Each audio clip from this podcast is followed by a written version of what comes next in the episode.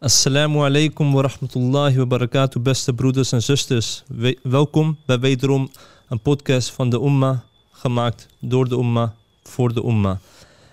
Ehm, helaas eh, moeten wij vandaag hebben over een hele pijnlijke voorval in de geschiedenis. Daar ga ik zo meteen op in. De pijnlijke voorval en de voorvallen die hebben plaatsgevonden. Maar ik adviseer jullie, het is een advies van mij, een dringend advies, om onze video te liken, om erop te reageren en om het te delen. En stel ook je vragen, zet het in de comment, zodat we jullie vragen inshallah ook kunnen beantwoorden of in ieder geval kunnen toelichten. Ehm, ja, wederom is het zo dat wij Srebrenica dienen te herdenken. Maar daar kom ik later misschien in de podcast op terug over het herdenken ervan. Maar we hebben te maken met nog steeds dat de moslims heel veel leed ervaren. En Srebrenica is daar helaas in negatieve zin een symbool van. En vandaag willen wij de podcast ook aan Srebrenica toewijden, maar niet alleen Srebrenica. Want Srebrenica is helaas het negatieve resultaat van wat er allemaal daarvoor heeft plaatsgevonden. Het is het negatieve resultaat op basis van een land, een gebied, welk misschien jullie niet heel bekend in de oren klinkt. Joegoslavië. Toen ik jong was, jonger was, laat ik het zo stellen, was Joegoslavië gewoon een land, een natie. Door iemand omschreven als Joegoslavië is één land met twee alfabet, met vier grote religies, met zes verschillende republieken, met zeven verschillende etniciteiten en acht verschillende naburige landen. Nou zou je zeggen dat het een complexe situatie is. En hoe Joegoslavië is gevallen willen we ook wel over hebben. Maar vandaag staan een aantal punten centraal om jullie uit te leggen waar het verkeerd is gegaan, waar het mis is gegaan, waarom de moslims hebben geleden in deze hele ja, begeerde en belangrijk gebied. En vandaag ben ik wederom met onze broeder Kamal. Hij is de oprichter van de Umma podcast. Hij is actief bij de Umma platform met artikelen, met het geven van lezingen. En rechts van mij is broeder Haitham, die ik welkom heet. Zijn eerste keer hier, maar hij is bekend van de YouTube kanaal Moslim Jongeren, waarin hij moslims adviseert met zijn video's. Barakallahu voor jullie komst. Assalamu alaikum wa rahmatullahi wa barakatuh. Ik heb een kleine kick-off gegeven, broeders, eh, dat wij eigenlijk terug dienen te gaan naar de geschiedenis. Want om onze heden te begrijpen en om te werken naar een toekomst, is het eigenlijk heel erg belangrijk om te weten van ja, hoe is het allemaal ontstaan? Nu zijn wij niet per se geschiedkundigen, maar ik denk wel dat het belangrijk is voor de ommen dat ze bepaalde punten wel kennen en herkennen van oké, hoe zijn de moslims überhaupt in het gebied van de Balkan in voormalig Joegoslavië gekomen? Dus het woord is aan jullie. تفضل اخي بسم الله بسم الله الرحمن الرحيم والصلاة والسلام على أشرف الأنبياء والمرسلين وعلى آله وصحبه أجمعين Ehm, ja, dan gaan we een paar honderd jaar terug natuurlijk. Ehm, we weten dat eh, de Ottomanen eh, een aantal honderd jaren daar hebben geregeerd. Eh, de moslims zijn daar op dat moment eigenlijk terechtgekomen middels de openingen van, van de Balkan, gebieden in de Balkan, waar, waar de moslims zich hebben gezetteld, islam hebben proberen te verspreiden. Eh, ze hebben hun moskeeën daar gebouwd en, eh, en ze zijn daar gaan wonen. Eh, omstreeks 1500 eh, zijn ze daar binnengekomen en een paar honderd jaar daar hebben ze geleefd. Verschillende etniciteiten die daar zijn gebleven natuurlijk. Slavische mensen. Je hebt ook natuurlijk te maken gehad met het Koninkrijk of Oostenrijk en, Hongarije. die zich continu over dat gebied, continu gevechten zijn geweest over dat gebied. En, en daar kennen we ook de verhalen van eh, dat de Ottomanen tot aan Oostenrijk, Wenen zijn gekomen, tot aan eh, Hongarije zijn gekomen. Ja. Ehm, dus er is altijd continu strijd geweest om dat gebied, ook vanwege de geografische ligging. Eh, ik weet dat wij daar anderhalf jaar, twee jaar geleden zijn geweest. Eh, we hebben een prachtig land gezien. Ik ben, eh, we zijn gaan rondreizen met de auto. Eh, we zijn door Kroatië gereden, door Servië gereden. Om de verschillen natuurlijk te zien ook. Van, hè, wat is er ook gebeurd na de oorlog? Eh, en, en, en ja, je verbaast je soms over heel veel dingen die je natuurlijk eh, tegenkomt. Ja. Dat sommige steden in Bosnië, wat wij eigenlijk nooit verwachten, omdat wij de geschiedenis van Bosnië niet kennen, maar gewoon volledig nog Kroatisch zijn, waar Kroatische Bosniërs wonen. Ehm Serviërs zijn, waar Servische Bosniërs wonen. Ehm, zo weet ik ook, eh, eh, nadat je wat meer gaat inlezen over het hele gebied en de geschiedenis, eh, weet je ook dat, dat, ehm, dat er na de oorlog of voor de oorlog een stad of een dorp bestond uit 80% moslims en 20% Serven. En na de oorlog dat het totaal is omgedraaid. eh, Ja. Zie je nog islamitische overblijfselen? Bijvoorbeeld in de architectuur, zie je dat nog terug? Ja, enorm veel, enorm veel. Eigenlijk overal waar je komt. We zijn in eh, Sarajevo geweest, we zijn in Konjic geweest. Eh, waar enorm Mostar. veel- Mostar zijn we geweest. Eh, Mostar, bekende brug die door de Ottomanen is gebouwd. Die tijdens de oorlog ook ehm, is aangevallen door de Kroaten. En, en eh, plat, plat gebombardeerd is. Na de oorlog is die weer gerenoveerd. En, ja, we zijn ook in musea geweest natuurlijk. We hebben, we hebben de tunnel gehad, tunnel Ja. van hoop. De musea heeft me echt geïmponeerd toen we daar waren. Ik denk, we waren met zo'n groep of twaalf, twaalf broeders. Ja, En ik denk dat dat wel een, een punt is geweest, ook een kantelpunt in mijn leven. Van oké, dit is heel serieus. Want het is, maar een korte afstand vanuit Nederland. Maar wat daar heeft plaatsgevonden, we hebben daar gewoon plekken gezien waar bloed is gevloeid. En je had het ook over de tunnel, eh, waar we 40 meter eh, erin konden gaan en een beetje konden ervaren. Want als je 1,80 bent, dan heb je al een probleem. Dan moet je met een gebogen rug daar gaan lopen. Ja. En dan moet je voorstellen dat eh, die tunnel in feite 4 kilometer lang was. Ja. En mis- misschien zullen we het daar zo meteen over hebben wat Ja. de tunnel, wat de symbool daarvan was. Maar we hebben daar ook gesprekken gevoerd met de gids. En die heeft natuurlijk helaas heel veel eh, pijnlijke verhalen te vertellen. ja. Maar het, dat geeft dus eigenlijk ook aan dat het zich niet beperkt tot Srebrenica. Maar dat moslims in geheel Bosnië, of in verschillende gebieden Bosnië hebben geleden.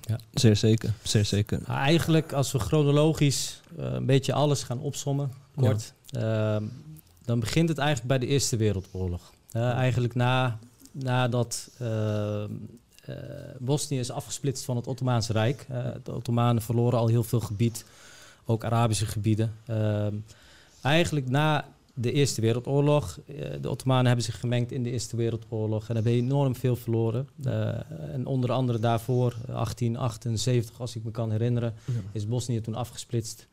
Eh, toen is er een koninkrijk ontstaan van eh Slovenen, Serven en Kroaten. Eh, het koninkrijk van eh, Slovenië, Kroatië en Servië, wat uiteindelijk ehm Joegoslavië werd genoemd. Ehm, dat heeft plaatsgevonden na de Eerste Wereldoorlog. Eh, vervolgens, ehm, Tweede Wereldoorlog, zijn de Kroaten eh, samen gaan zweren met eh, de nazi's en de fascisten uit Italië. De Kroaten voelden enorm veel bedreiging vanuit Servië, Joegoslavië. Joegoslavië wilde niet zomaar een stuk gebied gaan opgeven. Kroatië heeft altijd een beetje opgeroepen voor haar onafhankelijkheid, wilde deze onafhankelijkheid. Ehm, eh, en, en vanaf dat moment eigenlijk zie je dat het land beetje bij beetje uiteen is gaan scheuren. In de tussentijd eh, hebben de moslims er altijd gewoond. Eh, ze hebben altijd in Bosnië-Herzegovina zijn ze gebleven. Eh, veel, vele gebieden gemixt. met, verschillende etniciteiten, zoals ook eerder genoemd. En, en daar is het eigenlijk een beetje bij beetje gaan afbrokkelen. Ehm, Hitler is daar zelfs persoonlijk naartoe geweest. Eh, de, zoon van Mussol- eh, de schoonzoon van Mussolini is er naartoe geweest. Hij heeft echt letterlijk handen geschud met de leider van de Kroaten na de Tweede Wereldoorlog, eh, of tijdens de Tweede Wereldoorlog. Ehm, en na de Tweede Wereldoorlog, dus na de val van, van Duitsland, valt automatisch natuurlijk ook de macht een beetje weg bij de Kroaten. Toen is er weer opgeroepen tot eenheid onder het communisme van Tito. Eh, Tito heeft zich achter Stalin geschaard. Eh, hij werd de leider van, eh, van Joegoslavië. Hij heeft het opgedeeld in, in republieken onder een federale st- socialistische staat. Hè, om het maar even zo te noemen. Elke etniciteit of elke, elk gebied, Servië, Kroatië, kreeg haar eigen leider in de regio, eigen leger. Maar de macht werd wel, was wel gecentraliseerd. Dus eh, dat betekent, Tito eh, trok de macht naar zich toe onder het mom van broederschap. Wij zijn broeders, kameraden. Eh, En dit, dit zijn allemaal slogans uit het communisme. Maar welke, met welke groepen hadden we te maken Dan heb destijds? je met Slovenen te maken, de moslims, eh, de Bos Bosniaks, eh, Montenegro, eh, Servië, Servië-Montenegro samen. Want wordt vaak geroepen Kroaten. dat ten tijde van Tito... dat al die groepen gewoon naast elkaar konden leven. De ja, orthodoxe christenen, dus de Serven, de katholieke Kroaten... Ja. en de Bosnische moslims. exact. Ja, dat is een mooi punt dat je aanhaalt. Het nationalisme is nooit verdwenen. Ja, dus het nationalisme onder de volkeren, verschillende volkeren, eh, is nooit verdwenen. Alleen Tito onderdrukte dat. Hè. dat was soms hard, eh, soms op een andere manier. De mensen die erin meegingen, prima. Maar de mensen die zich hier tegen verzetten, drukte hij gelijk de kop in. En dat deed hij op de communistische eh, bekende manieren. Want ze hadden ook daar geheime diensten die daar te werk gingen. En dit werd absoluut niet getolereerd. Alleen je kan niet wegnemen dat de nationalistische gevoelens altijd hebben bestaan. Klopt. Ehm, even toch nog inzoomen op, eh, want je hebt een, chronologische volgorde gegeven. Laten we eerst even toch nog even inzoomen op eh, hoe de moslims eh, toch naar het gebied zijn gekomen. We hebben over de Ottomanen gehad. Waarom ik toch wil teruggaan naar de tijd van de Ottomanen heeft puur te maken met het feit dat onze titel Srebrenica een les voor de moslims in het Westen, dat daar een link is gemaakt door de generaal, crimineel, eh, die de moslim, eh, moslims hebben vermoord. Dus als we proberen in te zoomen in de tijd van de Ottomanen ehm, en dat zij een oorlog voerden met het Servische eh, ja, imperium toen der tijd, wat kunnen jullie daarover vertellen? Doel je dan specifiek op het gebeuren des... of de link die Mladic legt met, met Ja, de Ottomanen? dat, die link kunnen. Ja, zeker. Kijk, het is wel interessant, want vaak zie je dat de Serven, die zagen dat als bezetting. Het Ottomaanse Rijk Ja. zagen dat als bezetting van, van Servië. Tot op de dag van vandaag zie je ook nog steeds dat er wordt gezegd van wat daar is gebeurd in Srebrenica en in, eh, omliggende gebied, in het omliggende gebied, dat dat een wraakactie is geweest op de Ottomanen, op die bezetting door de Ottomanen. En, en er wordt zelfs gezegd dat die eh, moordenaar of de terrorist in Nieuw-Zeeland die een moskee heeft aangevallen, dat zelfs op zijn wapen eh, een bepaald, eh, ja, een bepaalde term stond, die, die ook weer refereert aan de Turks, zeg maar, aan de Turken. Chetnik. Ja, Chetnik. Chetnik. Hetzelfde eigenlijk wat dus mensen als Mladic Ja. eh, destijds hebben gebruikt. En daarom zie je ook dat ook door Servische leiders, zoals Milosevic bijvoorbeeld, die eh refereerden aan de Bosniërs door ze Turken en Ottomanen te noemen. Dus zo zie je ook dat er een diep gewortelde haat was voor de, voor de moslims. En dit kan je niet loskoppelen van het beeld dat er was over de moslims in Europa. Ja. Want we kunnen wel zeggen van ja, maar het waren de Serven en het is Servisch nationalisme en zij wilden een zogenaamd groot Servië en allerlei landen overnemen. En het is puur gedreven door nationalisme en het heeft te maken met Servië. Het heeft ook te maken met hoe er naar moslims wordt gekeken in Europa door de eeuwen heen. Ja, ja. En, en, want kijk, er wordt naar hen, aan hen gerefereerd als Turken en Ottomanen. Terwijl de Bosniërs zijn Slavisch. Ook als je kijkt naar hun uiterlijk. Ja, ze zijn blond, lichte ogen. En toch worden ze niet gerekend tot, eh, tot hetzelfde ras. Of, weet je? Dus, Ja. dus er wordt toch een onderscheid gemaakt. Ja, Eh, en, en dan zie je toch die afkeer die er is voor, de, voor de Ottomanen. Ja. Dus de Ottomanen kun je stellen, eh, het, was de Ottoma het was de Khilafa. En de Ottomaanse hebben aan een gigantische expansie gedaan om de dien te kunnen vestigen. Dat is na een aantal slagen met het Servische imperium is dat, alhamdulillah, eh, gerealiseerd. Eh, vooral de slag van Kosovo daarin was eigenlijk eh, final eh, om ervoor te zorgen dat de dien daar ook kan domineren en settelen. En de periode van 400, 500 jaar tot aan wat jij hebt aangegeven, dat de Oostenrijkse, Hongaarse imperium het heeft overgenomen. Wat ik daarvan heb gelezen en ook uit de beelden heb kunnen opmaken van journalisten die daarover ja, hebben geschreven en gezegd, is dat er wel een tijd was van voorspoed. Natuurlijk zijn er links en rechts, dat eh, zullen wij ook niet ontkennen. Zijn er bekeringen geweest die misschien niet eh, de schoonheidsprijs verdienen. Maar als zelfs niet-moslims heel duidelijk aangeven van nee, er was vrede, er was rust, er was harmonie. En dat zij zelfs aangeven dat Sarajevo werd verheven tot een hele belangrijke stad, welk ook werd Klein Jeruzalem werd genoemd. Puur vanwege het feit dat verschillende religies Naast elkaar leven. naast elkaar leefden. En dat hebben wij ook kunnen ervaren, de rust en oase in Sarajevo zelf, ondanks hetgeen wat ze hebben meegemaakt. Maar wat ik heel mooi vond, is dat zelfs wanneer bepaalde leiders een bepaalde vorm van onrecht probeerden te, doen tegenover de christenen, dat de moslims als een gemeenschap zeiden, dat mag je niet, zo mag je niet met andersdenkenden omgaan. Tot op het punt, want wij, eh, wij zeggen heel vaak dat de Joodse gemeenschap, toen zij werden verdreven door de katholieken, door de christenen, in bijvoorbeeld toen de tijd Al-Andalus in de 16e eeuw, 15e eeuw, ehm, dat de Joden bijvoorbeeld naar Marokko gingen of andere gebieden gingen. Maar bijna niemand heeft het over het feit dat zij in Sarajevo notabene werden verwelkomd. Maar daar tref je ook een moskee, synagoge, Synagoge, ja. en kerk, wat ook aangeeft hoe de verhoudingen waren. En er is zelfs een convenant van Mohammed al-Fatih ten tijde van de Ottomanen, dat hij erop ging toezien dat de christenen ook, dat hun veiligheid werd gewaarborgd. Dat is een Ja. van de eerste dingen die hij heeft gedaan toen Ja. hij Bosnië eh, Ja. binnentrad.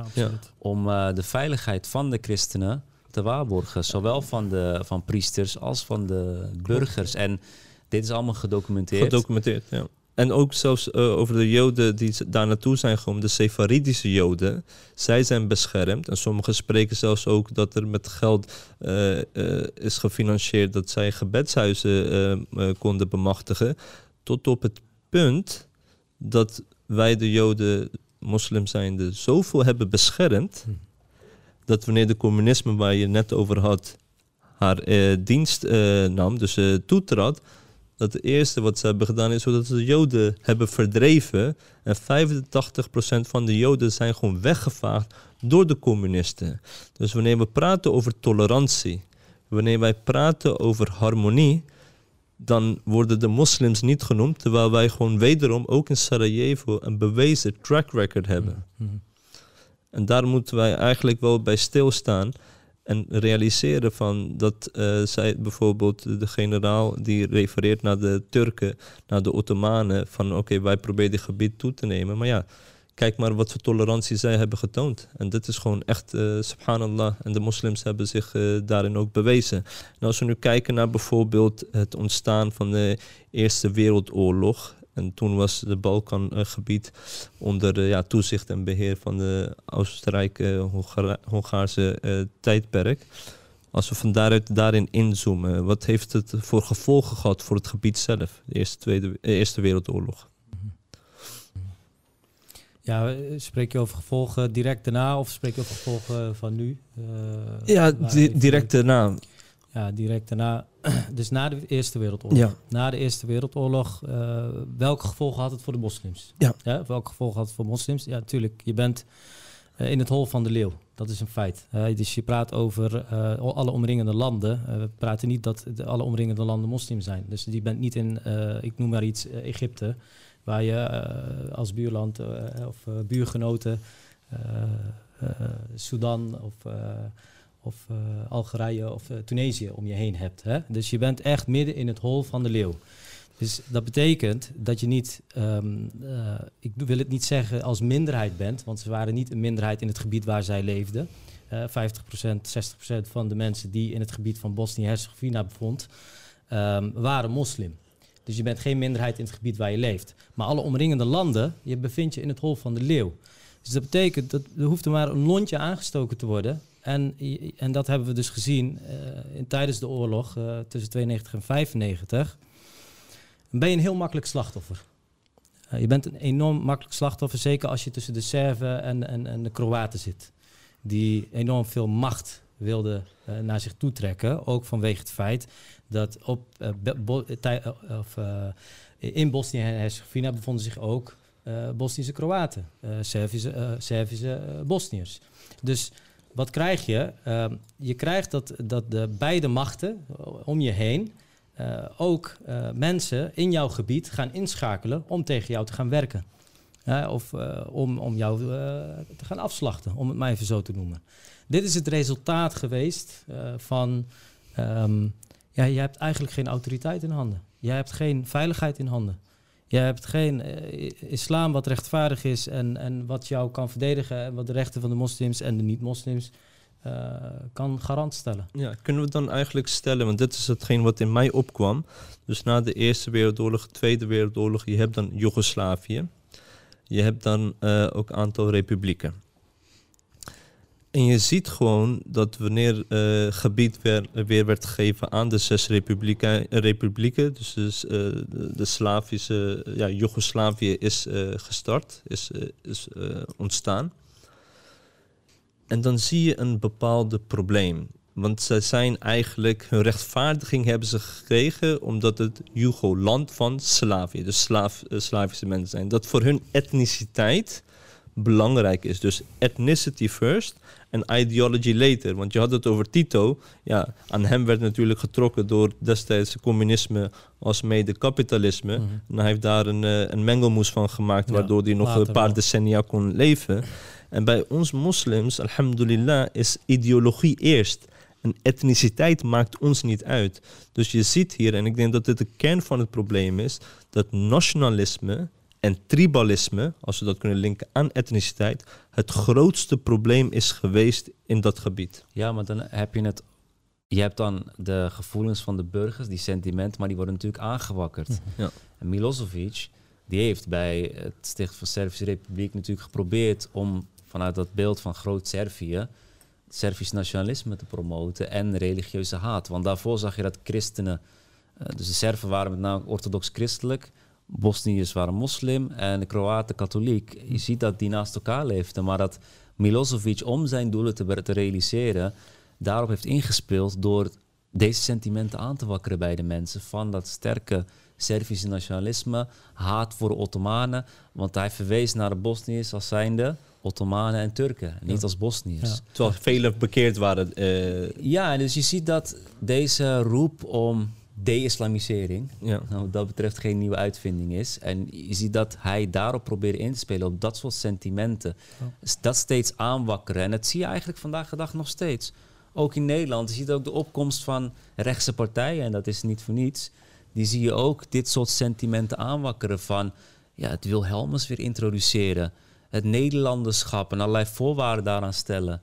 En een vluchtelingenstroom. En dat zijn testosteronbommen. Die voldoen niet aan, eh, aan deze norm. En die zijn een gevaar voor de samenleving. Dus je ziet dat deze, dat noemen ze identiteitspolitiek, dat dit wederom eh, wordt gebezigd door allerlei Europese staten. Dus je hoort vaak van dat eh, nooit meer, als het Ja. gaat over Ja, de Tweede Wereldoorlog. ja. En als het gaat over de genocide in Srebrenica, je kunnen zeggen dat nooit meer. Maar we zien dat men er niet van heeft geleerd. En dat deze sentimenten nog steeds eh, worden aangewakkerd Ja. in Europa. En we zien waar het in eh, 1995 uiteindelijk Heeft toe heeft toegeleid. geleid Ja, in eh. Srebrenica. Eh, ik Ja. ben het absoluut met eh, Kamal eens. Als je echt praat over eh, de aanval op de identiteit, de identiteit van de moslims. Eh, dat zie je ook zeker hier terug. Eh, weliswaar in andere vormen. Maar ik ben het er zeker mee eens dat het inderdaad niet los, losgekoppeld kan zien van een aanval op de identiteit van de moslims. Een aanval op de ideologie of, eh, of islam zelf. Ja. En het is prijzenswaardig. Het is echt enorm. En het mag benadrukt worden eh, om te zien hoe de Bosniërs tot de dag van vandaag zichzelf nog twee moslims noemen. Eh, als je ziet wat zij de afgelopen 120 jaar hebben meegemaakt.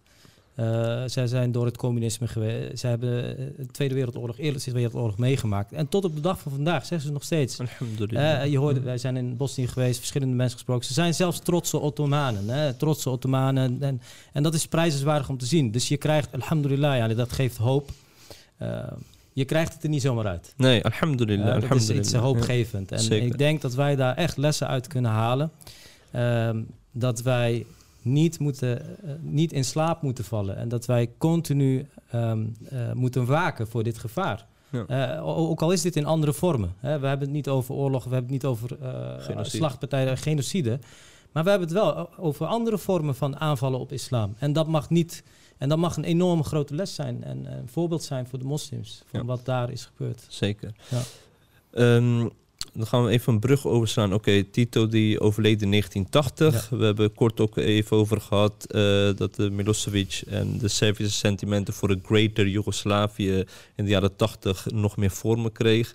Er werden bepaalde gebieden geannexeerd om te, oh, daar wonen de meeste Serviërs of daar kunnen wij alliantie eh, hebben of daar kunnen een militie starten. Gebieden zijn geannexeerd. Kom je aan uh, 1989, 1990. Nou, communisme wordt verslagen. We kennen de beelden van de Berlijnse muur wel kapot wordt gemaakt. Kapitalisme uh, ja, is nu de rising star, helaas. Uh, met het oog dat de moslims uh, met hun ideologie altijd een gevaar zullen blijven. Dus dat weten ze heel goed. Dan heb je 1990, 1991 heb je bepaalde republieken die in uh, Bosnië en in Joegoslavië zeggen: luister, Ja, wij gaan, onze eigen, wij gaan onze eigen referendum starten Ja, en wij willen weg hiermee. Want je ziet dat de Serviërs, die proberen natuurlijk macht uit te oefenen op die zes deelstaten Ja. die er zijn. Die hebben zoiets van, oh, als iedereen onafhankelijk wordt, dan kunnen we onze doel niet eh, realiseren. Dus in 1990, 1991 zijn ook een aantal oorlogen die hebben plaatsgevonden tussen de Servische eh, groepen en Kroaten en ook onderling met andere eh, etniciteiten. Ja. En wanneer dat ongeveer eh, gaande is in kleine getalen, niet de grote getalen, dan zijn de moslims in 92 zijn zij eigenlijk aan de beurt. Ja. En daarin is helaas Sarajevo het boegbeeld en strijdtoneel van. Mhm. Neem ons mee. Ja, eh, jij? eh, Ja, inderdaad. Je je ziet dat uiteindelijk eh, de Serven natuurlijk ook, die hebben die republiek. Je ziet op een gegeven moment een clash met, eh, met de moslims. Want we moeten niet vergeten, vaak wordt er stilgestaan bij Srebrenica jaarlijks. In de zomer van, elke zomer, dus in de zomer van 1995 vond die eh, genocide plaats in de maand juli. 11 juli, eh, wel te verstaan. Eh, 13 juli zijn er ook nog wat dingen gebeurd. Maar dus medio juli is het plaatsgevonden. En je ziet dat men jaarlijks daarbij stilstaat. Maar we moeten niet vergeten dat van 1992 tot en met 1995 natuurlijk eh oorlog gaande is geweest. En dat moslims verdreven zijn in verschillende gebieden. Zijn etnische zuiveringen geweest. Eh, moslims moesten vluchten, hadden tekort aan voedsel, aan medicijnen. En je ziet dat toen de Serviërs, de Serven, de moslims, de Bosniërs aanvielen en vermoorden, dat de moslims op een gegeven moment op de vlucht sloegen. En Naar, naar verschillende gebieden. Dus op een gegeven moment kreeg je een overtalsituatie in verschillende gebieden. Er was een tekort aan voedsel, tekort aan medicijnen. Ze hadden hulp nodig. Ze hadden rat in de val gelokt. Hm. En je ziet dat op dat moment dat de VN ingrijpt. Ja. Ja. Dus de VN die stuurt een zogenaamde neutrale vredesmacht die kant op om de moslims te redden. Dat, dat, dat is het plan. En ze hebben die situatie geobserveerd. Ze zien ineens, oh, ineens allerlei vluchtelingen in verschillende gebieden. Eh, onder andere in Sarajevo, in Srebrenica. Dit loopt uit de hand. Ze hebben een tekort aan eh, voedseltoevoer, eh, medicijnen, andere middelen, eh, basisbehoeften. We moeten ingrijpen. Nou, wat zegt de Franse generaal destijds? Die zegt, jullie zijn veilig. Want dit roepen we uit nu officieel tot zogenaamde safe area van de VN. En dat betekent dus als jij geen militair bent, dat je niet wordt aangevallen. Dus op dat moment wordt Srebrenica wordt als safe area geportretteerd. Van de moslims zijn hier veilig. En uiteindelijk heeft ook Nederland, eh, dus de Dutch Bed eh, worden ze genoemd, eh een VN-bataljon vanuit Nederland, die is daar gestationeerd. Die zou erop toezien dat de moslims eh, beschermd werden. Maar ze waren peacekeepers, dus eigenlijk alleen maar om te observeren daar. Lichte wapens, 400 man tegen Servisch leger.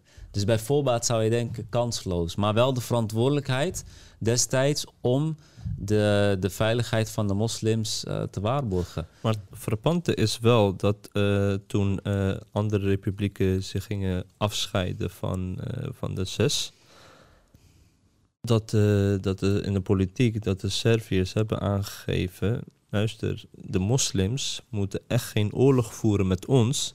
Zij zijn niet capabel om tegen ons eh, op te staan en wij zullen ervoor zorgen. Jullie, you will drag Bosnia to hell, stond er letterlijk. Mhm. En wij zullen jullie helemaal compleet wegvagen. En dit is ook wat ze bijna ook hebben gerealiseerd. Dus vanaf 92 tot 95, en wij hebben daar helaas beelden van gezien toen wij ook in eh, Sarajevo waren, zijn er meer dan 10.000 moslims doodgemaakt, waarvan meer dan 1000 kinderen. Ja. En ik weet niet of u kan heugen, zeker weten wel, Haitham, helaas, is dat de begeleider toen de tijd, de guide, zei tegen Ja. ons, dat in die periode, want je hebt Sarajevo als stad zijnde en daaromheen heb je vier heuvels. Ja. En dat de Serviërs vanuit de vier heuvels ja, ons gingen beschieten. Net zoals een uh, Doom-spelletje, voor Ja, degenen die Doom eh, nog kennen. Dat was een belegering, hè? Belegering, ja. En, en toen de Russen, want daar hebben de Joegoslaven of de, of de Serviërs een hele goede band mee. Wanneer de Russische toeristen daar kwamen naar Sarajevo, true story, ehm, konden ze natuurlijk Sarajevo zien, konden ze de heuvels zien, Ja. genieten van, van, een, van een prachtige landschap die er heerst. Mochten ze aan het eind van hun toeristische reis, mochten zij pistolen huren en gewoon op kinderen gaan schieten. Dat laat zien wat voor gedachtegang zij destijds Vrij eh, schieten alsof de ja, bent. gewoon. Je mag gewoon. VN eh, stond erbij en keek ernaar. keken naar. Ja, VN, eh, we weten dat de stad wat je aangeeft heel mooi hè, werd belegerd Ja. in 92. Ehm, tussen vier bergen. En er was eigenlijk maar één uitgang. Ja, en daar, toen zijn we naar de tunnel geweest. Juist. Daar kom ik dadelijk wel even op terug. Ja. Eh, en daar aan de deur van die enige uitgang, daar stond de VN te wachten. Dus de hele belegering hebben zij gewoon gezien. Eh, het schieten op eh, onschuldige burgers, kinderen, oude vrouwen, noem het op. Ja, het, is bizar, Bizar. bizar. om... En toen wij de eerste dag daar kwamen, konden wij niet wennen aan het feit in Sarajevo dat er alleen maar kogelgaten waren. Overal Ja. waar jij liep en waar ja, jij ging, van de oorlog, hè? Ja. waren gewoon zichtbaar. Je zag gewoon haunted houses. Je zag gewoon leegstaande huizen, deuren open, alles erop en eraan. Ja. En wij dachten dat wij hier nooit aan zouden wennen, want we verbleven daar zes dagen. Maar het is zo verschrikkelijk dat zelfs wij eraan gingen wennen, dat, dat, alsof het gewoon normaal was. Maar dit zijn gewoon bullet holes, overal eh, eh, waar je loopt. En dit is helaas nog steeds eh, de realiteit in Sarajevo. Hm. En je hebt daar natuurlijk een gigantische, eh, ja, gigantische building eigenlijk. Een eh, gebouw van, van de Amerikaanse ambassade daar. Om hun presence te laten zien van Ja. wij zijn hier. Ja. En terwijl de historici of sommige politici aangeven dat Amerika eigenlijk de redder is NATO. geweest. NATO ook, dat zij de redder zijn van Sarajevo. Ja. Maar dat is zeker niet waar. En dan komen we Nee, daar sowieso inhoudelijk op terug. Maar dit is wat Sarajevo eigenlijk met ons heeft gedaan. Dat ook een kantelpunt in ons leven eh, is geweest. absoluut, om te zien van me- wat voor leed ze hebben. Het deed mij persoonlijk heel veel denken aan ehm, eh, waar mijn moeder vandaan komt. Hè. Zij is geboren in Sabra. Eh, Sabra en Shatila in Beirut, waar eh, ook enorme eh, ravages achtergelaten. 48 uur eh, de stad, of eh, het gebied dichtgemaakt, dichtgesloten. Milities, eh, christelijke milities die naar binnen zijn gegaan. Iedereen hebben afgeslacht. Eén bloedbad achtergelaten. Ze zeggen dat het bloed tot aan de, aan de knieën van de mensen eh, stroomde. En eh, journalisten werden niet binnengelaten, niemand werd Niemand, binnengelaten. ja. Het deed me echt denken, eh, ik ben er ook eh, vaker geweest, ook Ja. waar ik de kogelgaten nog steeds eh, Zie- zie. Eh, daar, Sabra Shatila staat bekend eh, waar de Palestijnen zich verbleven. Het heeft natuurlijk ook heel veel raakvlakken Mm. met Palestina en andere Ja, gebieden. zeker. Eh, Ze doen hun naam wel eer aan, Ja, moet ik zeggen, absoluut. die. VN-waarnemers. Ja. Want letterlijk, ik stond erbij en ik keek ernaar. ernaar, Dus ja. eh, wat dat betreft, blauwhelmen Ja. doen eh, hun naam wel eer aan. En het is ook wel interessant om te zien, is een belegering. Een aantal landen die aangesloten zijn bij de VN-veiligheidsraad, die wisten ook als het gaat om Srebrenica, die wisten anderhalve maand van tevoren al wat er gaande was, wat er ging gebeuren. Eh, er is heel vaak geroepen om luchtsteun, is niet verleend. Er wordt zelfs gezegd dat er kerosine moest worden gehaald in, eh, in Italië. En toen was het al eh, te laat. Maar je ziet ook dus dat de VN die belooft de, de moslims iets van jullie zijn hier veilig. Uiteindelijk wordt die belofte niet, niet nagekomen. En je ziet ook dat als het gaat om de Nederlandse inbreng vanuit Dutchbed, dat op een gegeven moment zij, die, die Nederlandse compound, verantwoordelijk was voor, eh, voor het welzijn van de moslims, van de Bosniërs. En uiteindelijk konden zij, hun, eh, konden zij hen niet, eh, ja, niet die veiligheid bieden. Zijn heel veel moslims, heel veel Bosniërs zijn richting de bossen gegaan, de fabrieken, en zijn uiteindelijk daar afgeslacht. Dus in die zin, you had one job. Ja, just had one job to do. Ja, Ja, En, en dan kan je wel zeggen van ja, maar goed, we hadden alleen maar lichte wapens en we hebben heel vaak luchtsteun gevraagd. En ook de, de, de generaal van, eh, van de Dutch Bed, hè, Karamans, die ook een boek heeft geschreven waarin hij doet alsof hij er helemaal niks aan, uh, aan kon doen. En hij Ja. zegt, ik ben maar een pianist toen hij, Ja. eh, toen hij Mladic ontmoette. En uiteindelijk heeft hij wel geproost met hem toen, eh, Ja. Ja. toen, toen zij eh, zich veilig uh, waanden na de oorlog. Dus je ziet ook dat ze hun eigen veiligheid op een gegeven moment ook hebben verkozen boven de veiligheid van de, van de Ja, moslims. zijn piano maakt misschien meer geluid dan zijn wapens. eh, maar. Het punt is wel, wij zeggen wel van oké, we konden het niet weten. Of in ieder geval, dat is wat de Dutch Bed en wat de VN zeggen. Maar eh, als we praten over feiten. In Sarajevo tussen 92 en 1995. Heel simpel. Electricity cut off. Voedsel cut off. Medicijnen cut off. Er zijn totaal, dus de primaire eh, belangrijke basisdingen hebben daar geen ruimte. Dus Sarajevo is meer dan 1400 dagen is van de wereld afgesneden. Het was ook toen de camcorder eigenlijk haar intrede deed. Hm. Dat, die beelden zagen we ook in, de, in het museum. Dat mensen gewoon de oorlog konden opnemen. Dus je ziet gewoon mensen die worden beschoten. Je ziet mensen die geblesseerd zijn. Je ziet gewoon lijken. Je ziet gewoon verbrande lijken helaas. Allemaal wordt gewoon opgenomen.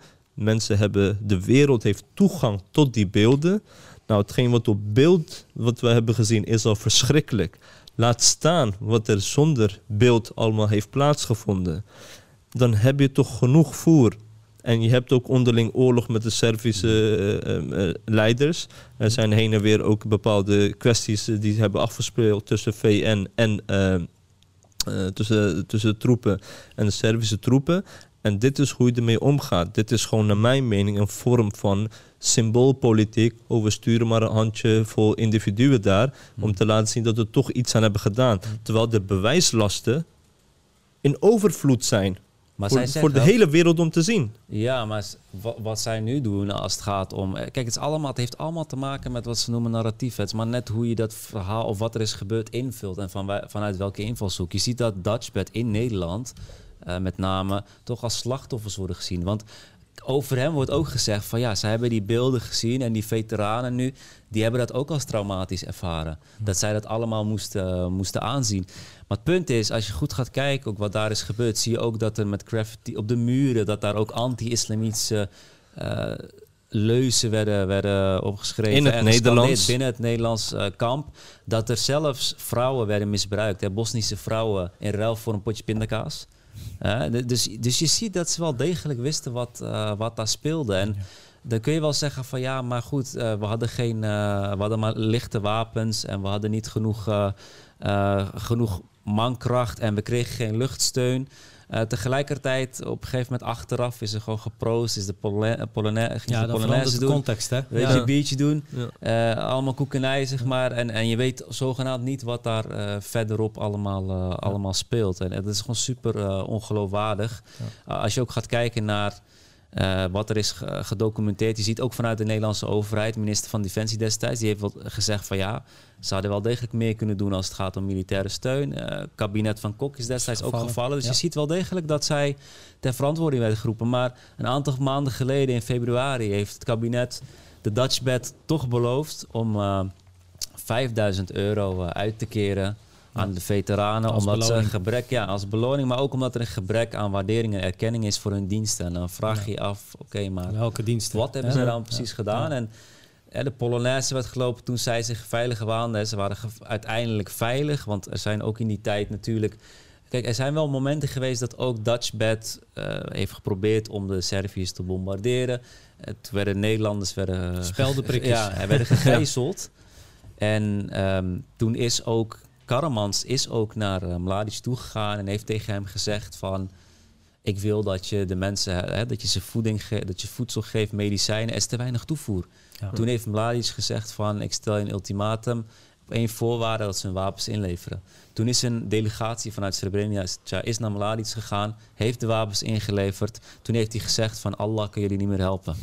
Ik ben de enige die dat nog kan. Ja. Hij kan jullie niet meer helpen. En paar dagen daarna hè, zijn ze massaal afgeslacht. En als je dan gaat kijken naar de rol van Dutchpad, als we zeggen van ja, ze konden er niks aan doen. Zij hebben geholpen bij het scheiden van de jongens van de mannen en van eh, en, en zeg maar de of de mannen van, Van de van, de, kinderen en van de vrouwen. Ja. En, en die, kind, die vrouwen zijn afgevoerd, zijn ook misbruikt.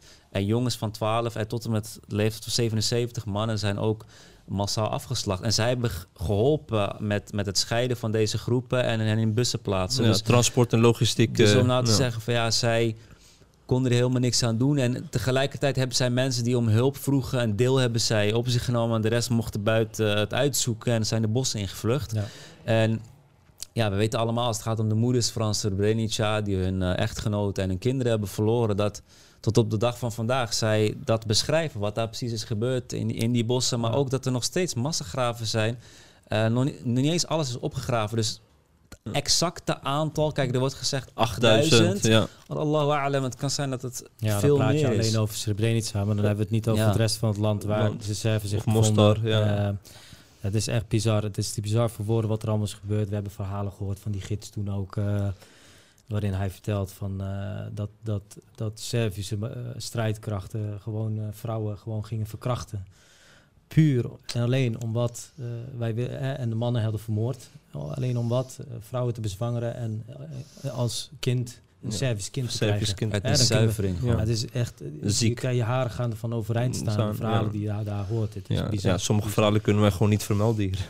Ik Ja, kan niet, en- het is we too hebben het over de VN. We hebben het over de VN, dus we praten ook eh, we praten over Dutchbed. Maar waar was de rest van de VN? Wereld. Ja, het is toch een internationale macht eh, die, daar, die daar is. Dus ik, ik, ik, ik vind het nog steeds een bizar verhaal hoe, hoe eh, de Dutchbed zich in een slachtofferrolletje schaart.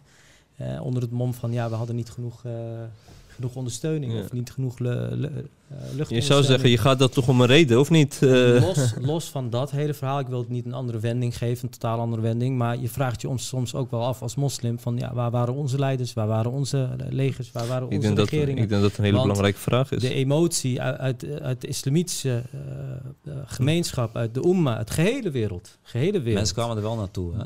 Ja. Mujahideen eh, op zichzelf zijn er gewoon naartoe gegaan. Puur uit liefde voor de umma. En dus je kan het hen niet kwalijk nemen. Zij hebben met hun beste intenties, eh, we weten dat ze uit Marokko kwamen, eh, uit, uit Pakistan, Algerije, Pakistan, Saudi-Arabië. overal, Mm. Tsjetsjenië. Het is echt, ze kwamen van overal. Maar waar, waar, waar waren onze leiders? Zij zwegen. Ja, dat blijft een hamvraag. Eh, waar zijn onze legers goed voor? Zijn ze goed, alleen goed om in een etalage te zetten? Is het, is het daar goed voor? Vraag je je soms af. We lopen allemaal te pronken met geweldige legers, zoveel manaantallen, zoveel tanks, zoveel vliegtuigen, zoveel. En we hebben het over, we hebben het over supermachten. We hebben het niet over kleine landjes. We hebben het over Turkije. We hebben het over eh, Pakistan. We hebben het over vers- verschillende landen, Egypte, die genoeg mankracht hebben om eigenlijk in een dag het hele probleem op te lossen. Ja, als de Servische Republiek eh, zoiets kan realiseren, Ja. wat te denken van de hele continenten Exact. waar moslims in zijn Maar zo oververtegenwoordigd. zie je dat, dat als het gaat om ingrijpen, Ja. dat het niet zozeer te maken heeft met capaciteit, maar dat het te maken heeft met politieke wil. Ja. Eh, want er zijn genoeg gebieden waarbij wel direct wordt ingegrepen. En in dit geval niet. Eh, omdat er natuurlijk veel meer belang was bij instabiliteit in de regio.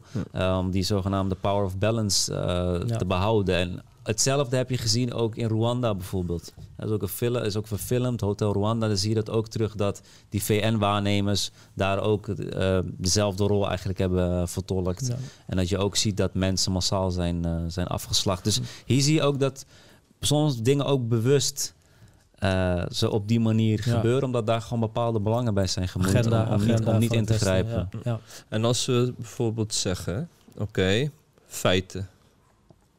Als iedereen zegt, jullie hebben gelijk wat jullie op tafel roepen. Wij hebben gelijk. Dat heeft zo afgespeeld. Maar wij kunnen niet ontkennen dat eh, er criminelen zijn die zijn opgepakt.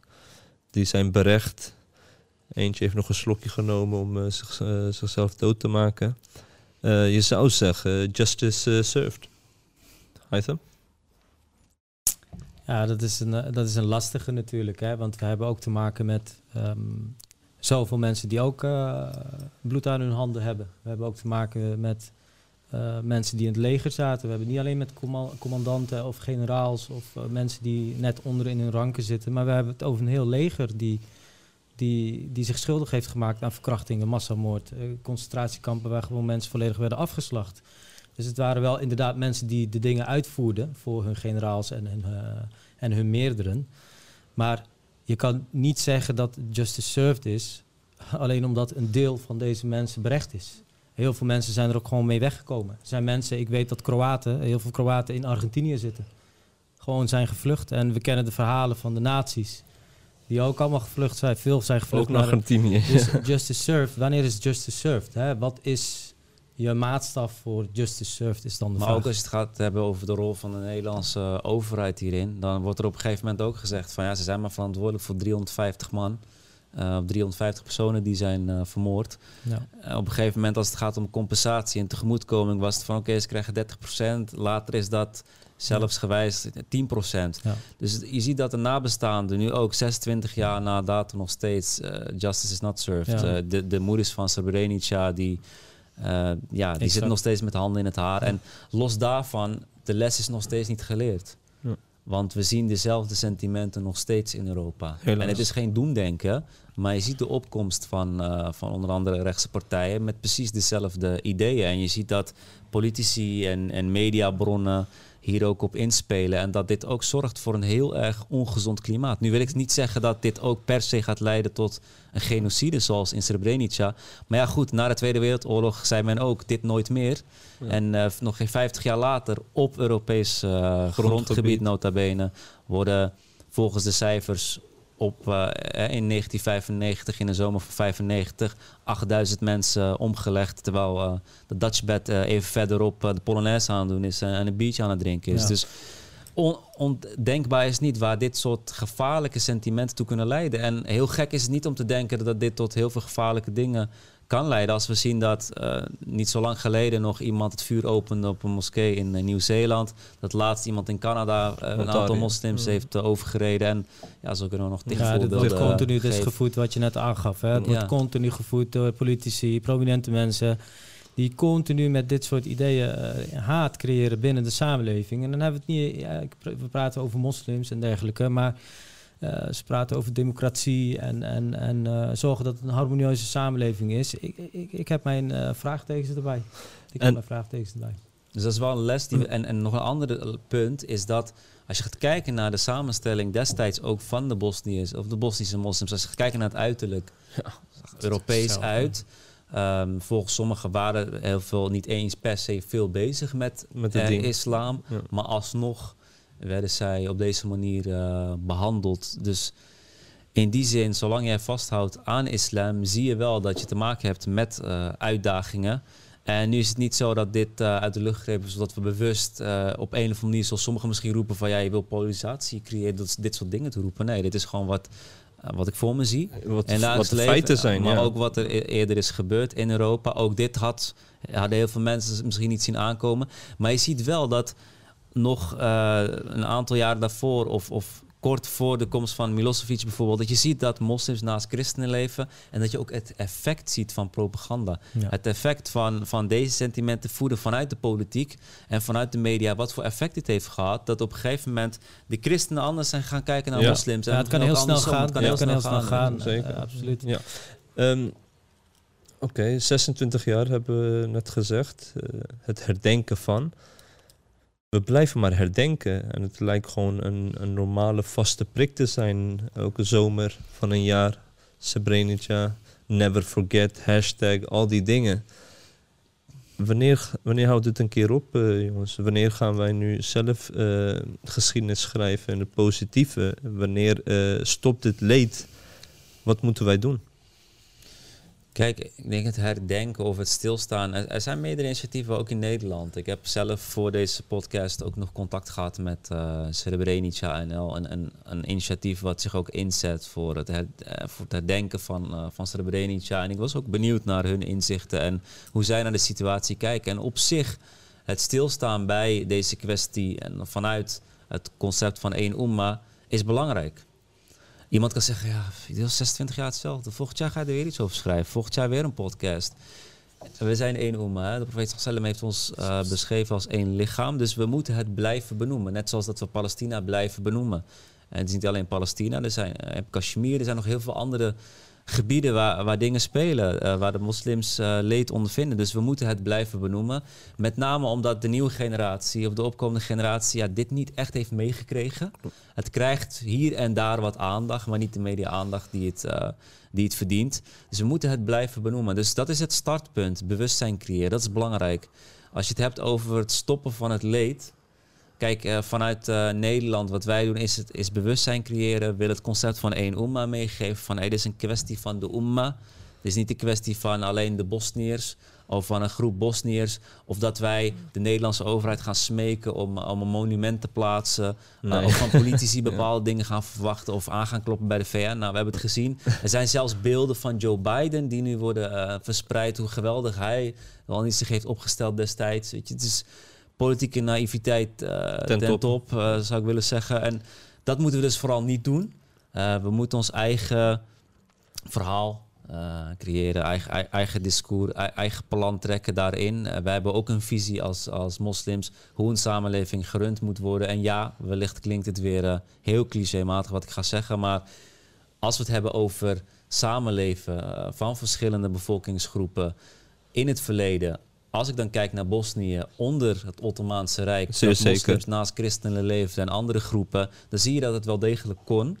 En de profeet sallallahu alayhi wasallam heeft dat ook Sallallahu aangegeven dat de imam of de leider van de moslims is als een schild. Innamal imamu junna. Dus hij is als een schild voor de moslims. En eerlijk gezegd, zolang dit schild er niet is, zolang jij geen eigen eh leger heeft wat daadwerkelijk ook opkomt voor de belangen van de moslims, of een staat die ook echt ageert tegen een eh, staat wanneer die wordt eh, aangevallen, wanneer de moslims worden aangevallen, dan eh, ja, is het, is het eh, Helaas wacht op is- een nog ja, een is het genocide. op, op nog meer leed. En ja, het blijft niet bij Srebrenica of bij Bosnië. We hebben ook genocide in de Centraal-Afrikaanse Republiek, waar helaas ook heel weinig aandacht aan wordt besteed, waar moslims ook Ja. het heel zwaar hebben in de Filipijnen, Thailand. Ja, ik kan zo, zoveel voorbeelden geven. De lijst is te lang om hier op te noemen. Maar ja, het is een beetje eh, dweilen met de kraan open wat dat betreft. Als we elke keer denken van nou, misschien moeten we dit eens proberen. Nou, we hebben het gezien. Aankloppen bij de VN en daarna krijg je een doodsteek.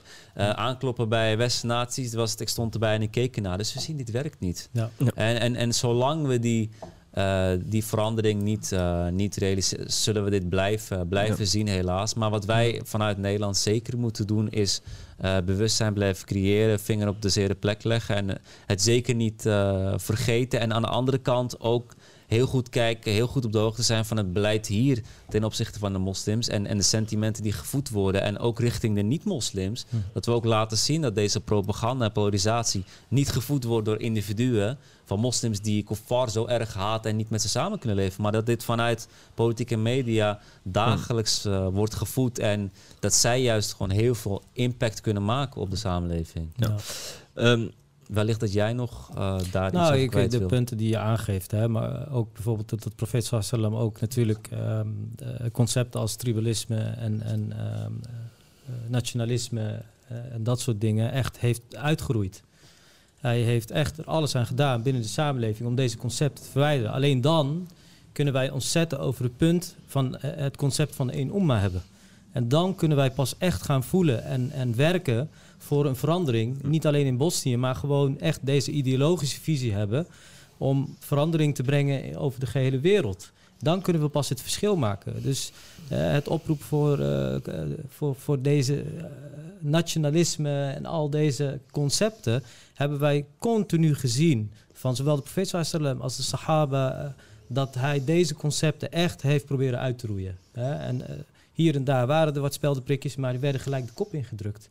En dit heeft ervoor gezorgd dat de ideologische band van de moslims altijd in stand is gehouden.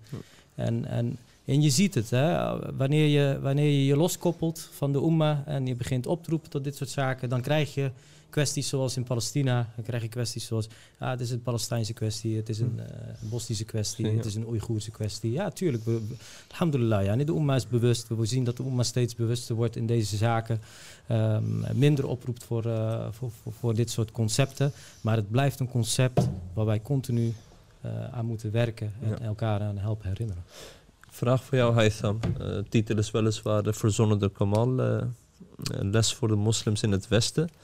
We hebben een aantal lessen hebben we meegegeven, waaronder nationalisme, en waaronder het gevaar voor polarisatie. Zijn er nog andere aandachtspunten aangaande eh Srebrenica of eh, ja, Sarajevo, wat jij nog aan de moslims zou willen meegeven? Misschien ook op basis van de ervaring die je hebt meegemaakt eh, in onze gezamenlijke reis daar naartoe.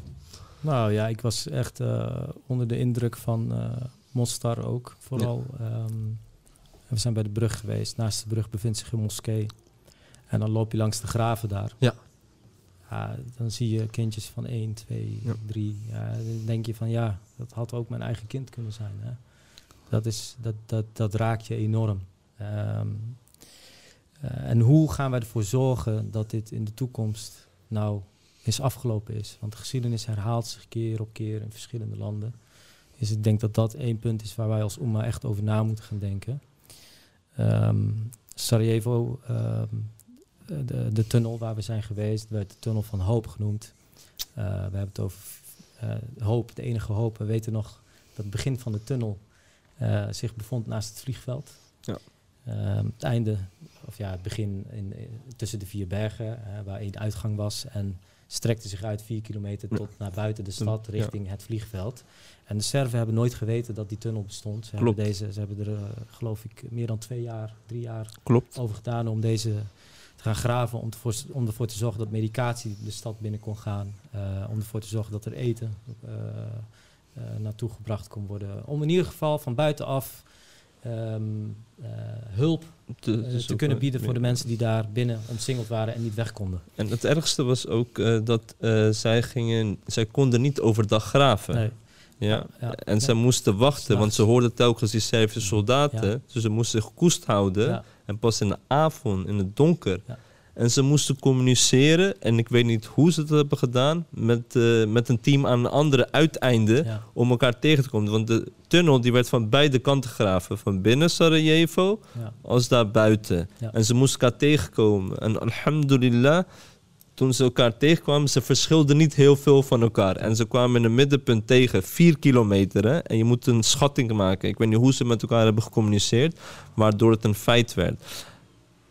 En ze hebben niet enkel. En op een, gegeven, op een gegeven moment gingen ze lopend daar naartoe. Maar dat was gewoon veel te zwaar. Hoe ga je nu voedsel en medicijnen halen? Hebben ze gewoon een railroad Ja. hebben ze daar gebouwd. Klein Met een klein treintje met een karretje. Ja.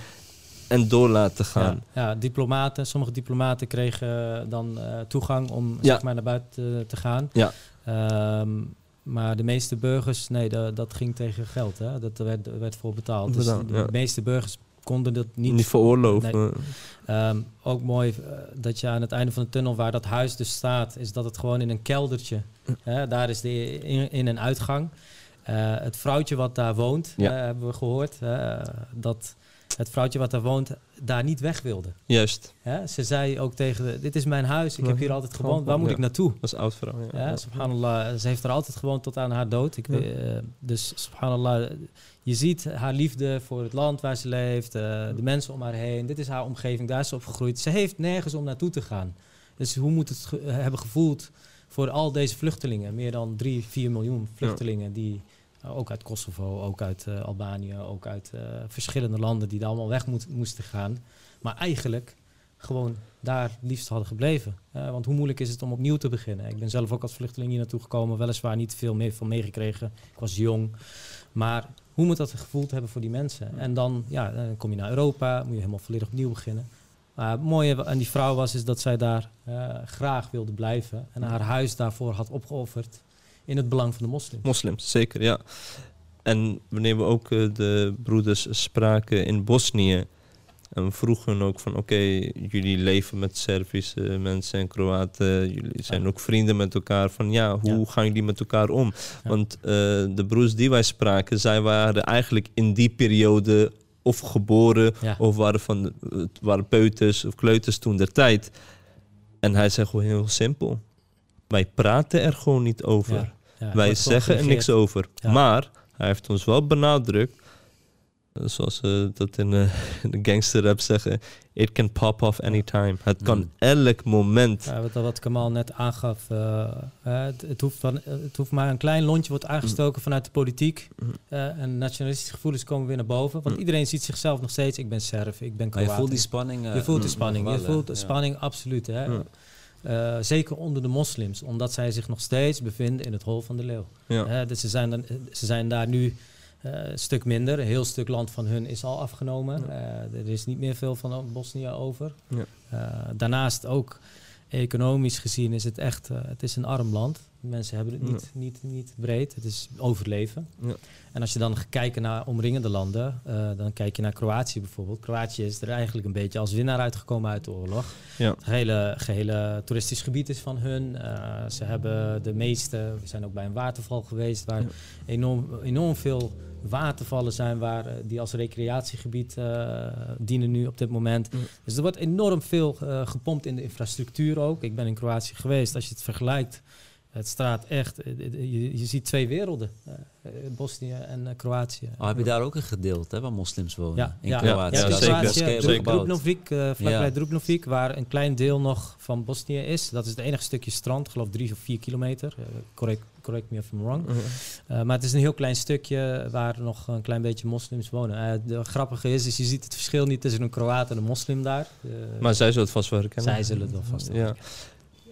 Maar we adviseren wel, ook on- ondanks de coronamaatregelen, van bezoek Sarajevo en eh, Ja, proef even de geschiedenis. Prachtig. Leer het ook kennen. Ja, Dus we hebben absoluut heel veel gemist. eh, Ja. Ook over zeg maar de, de WAKF in eh, Ja. eh, het museum waar wij zijn Huzret geweest. Bey. Waar, ja, Huzret Bey.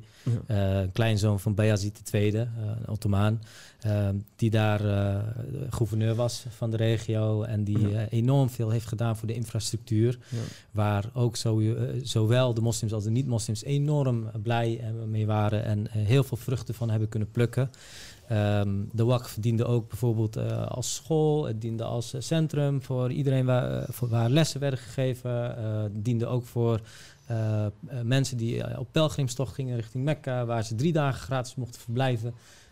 En daarna tegen betaling als sadaqa konden ze daar wat langer blijven als het, als het daar beviel. Maar het was een soort rustplaats voor, voor echt centraal in de Balkan. Eh, dat was wel heel mooi om te zien, ja. Ja. Waren we best wel verrast. eh. Ja, zeker. En het is ook mooi. Ze, zijn ook blij als eh, mensen van buitenaf Ja, komen. absoluut. Hele worden heel vriendelijk ontvangen. echt bizar. En, gastvrij ze heel zijn, gastvrij. ze zijn. Ja. En, en er is nog heel veel werk te doen. Alleen, ja, het is heel moeilijk. Ook omdat je, zeg maar, Amerika heeft daar de, de macht in handen. We weten dat daar ook legerbases zijn na, de, na de oorlog van, Amerikaanse, van Amerika. Eh, enorm grote ambassade, eh, wat je aangaf. Ehm, ja, ik, volgens mij is de grootste ambassade die ik ooit heb gezien van Amerika. Dat is echt heel groot Ja, uit, ja. straten, straten lang. Ja, gigantisch Ja, groot. Ja, Gigantisch maar dan groot. zie je dat zij wel echt daar eh, de controle in handen hebben. En dat na de oorlog, dat zij, eh, de oorlog heeft zeker tot 99, eh, zijn er nog heel wat dingen gebeurd. Maar tot 99 zijn uiteindelijk wel de wapens neergelegd. Er wordt ook gezegd dat eh, in de tijd destijds, de jaren 90, tijd van Clinton, dat zij er echt op wilden toezien dat er niet iets van onafhankelijkheid te Ja. zien zou zijn vanuit islamitisch Ja, eh, dat ze echt gaan neigen naar, eh, Ja. naar islam of, of het, weet je, iets wat lijkt op het Ja. Ottomaanse Rijk. Ja, dat dus dat ze niet willen in het hart van Europa. nee, het, het eerste wat je, ja, je gaf het net ook aan, eh, dat, dat ze het liefst hadden natuurlijk verdelen. Verdeel- en heerspolitiek, hè, dat hebben we in meerdere landen gezien. Eh, dat zorgt ervoor dat je je macht kunt consolideren. Eh, maar ook zeker, zorg niet dat de moslims daar, Ja. daar een beetje in opkomst komen. Ik wil jullie wel bedanken voor jullie tijd, eh, broeders. We hebben eigenlijk eh, inhoudelijk gesproken over de geschiedenis. Hoe zijn de moslims daar gekomen? We hebben bepaalde belangrijke punten aangegeven toen de moslims eh, daar regeerden. We hebben gesproken over de ontwikkeling van Joegoslavië als zijnde een staat. Haar tekortkomingen, haar problemen, hoe is het afgebrokkeld. Daarna hoe de moslims eh, zijn toegetakeld, afgeslacht, hoe is ontstaan, wie zijn de grote spelers. Wie hebben er verzaakt? We hebben gesproken over herdenking. We hebben gesproken over leermomenten. En ik hoop eh, dat het gewoon een eh, hele belangrijke meerwaarde zal zijn voor de Umma. Om dit door te nemen. Om haar geschiedenis te kennen. Om te weten wat er daar heeft afgespeeld. Om te weten wat ook de oplossing is. En om dit te blijven herhalen en te herinneren. En je hebt ook heel erg gelijk van, oké, wat is de meerwaarde van herdenken?